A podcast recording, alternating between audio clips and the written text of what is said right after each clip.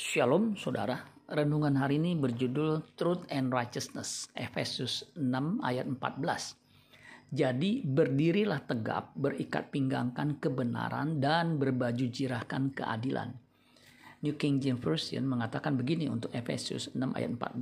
Stand therefore, having girded your waist with truth, having put on the breast the breastplate of righteousness di ayat tersebut, truth dan truth and righteousness ditampilkan bersamaan. Apa beda truth dan righteousness? Kita bisa membedakannya dengan melihat bahasa aslinya, yaitu bahasa Yunani. Kata truth, kebenaran, seperti juga yang ada di Yohanes 14 ayat 6, dari kata Yunani aletheia. Aletheia artinya truth, kebenaran, but not merely truth as spoken. Tetapi bukan hanya kebenaran yang diucapkan. Truth of idea, kebenaran dalam pikiran. Reality, kenyataan. Sincerity, ketulusan. Truth in the moral sphere, kebenaran dalam lingkup moral. Divine truth revealed to man, kebenaran ilahi diungkapkan kepada manusia. Straightforwardness, kejujuran. Sedangkan kata keadilan atau juga disebut kebenaran dari kata Yunani di kayu sune artinya justice, keadilan, justness, keadilan atau kebenaran, righteousness, kebenaran, righteousness of which God is the source or author, but practically, kebenaran di mana Allah adalah sumber atau pengarangnya, tetapi bersifat praktis. A divine righteousness, sebuah kebenaran ilahi. Sebenarnya aletheia dan dikayusune itu sinonim, saling melengkapi kalau mau dibedakan bisa dijelaskan sebagai berikut. Aletheia itu ajaran yang diajarkan Tuhan Yesus dan yang ia contohkan atau kenakan waktu ia hidup di bumi. Seperti di Yohanes 8 ayat 32. Dan kamu akan mengetahui kebenaran. Dan kebenaran itu akan memerdekakan kamu. Kebenaran di Yohanes 8 ayat 32 ini adalah aletheia. Menunjuk kepada firman atau logos Logos menunjuk firman di ayat sebelumnya yaitu Yohanes 8 ayat 32.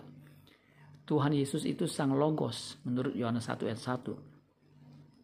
Sedangkan dia di kayu sune artinya kebenaran bersifat lebih bersifat praktis yaitu apa yang dipikirkan dan dilakukan practically.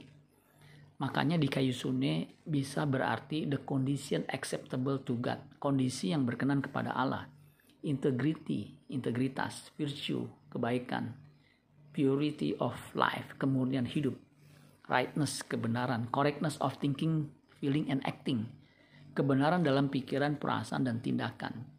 Itulah sebabnya orang Kristen yang percaya kepada Tuhan Yesus, Sang Kebenaran, akan hidup sesuai firman Tuhan dan hidupnya seperti Kristus, memiliki karakter Kristus Sedangkan roh kebenaran akan memimpin orang percaya kepada seluruh kebenaran, truth and truth atau aletheia, agar hidupnya berkenan kepada Allah. Yang secara praktis dikalimatkan dalam Matius 5 ayat 20, terjemahan King James, For I say unto you that accept your righteousness di kayu sune shall exit the righteousness di kayu sune of the scribes and the Pharisees, all of you shall in no case enter into the kingdom of heaven. Mengapa kebenaran orang percaya harus melebihi kebenaran ahli Taurat dan orang Farisi yang tidak percaya Kristus? Karena orang percaya dimeteraikan dengan Roh Kudus. Kalau boleh diumpamakan, aletheia itu sesuatu input yang diinfus atau dikonsumsi ke dalam diri orang percaya via pikirannya yang outputnya nanti terlihat dari kehidupannya yang di kayu sunai di mana kondisi atau keadaannya benar.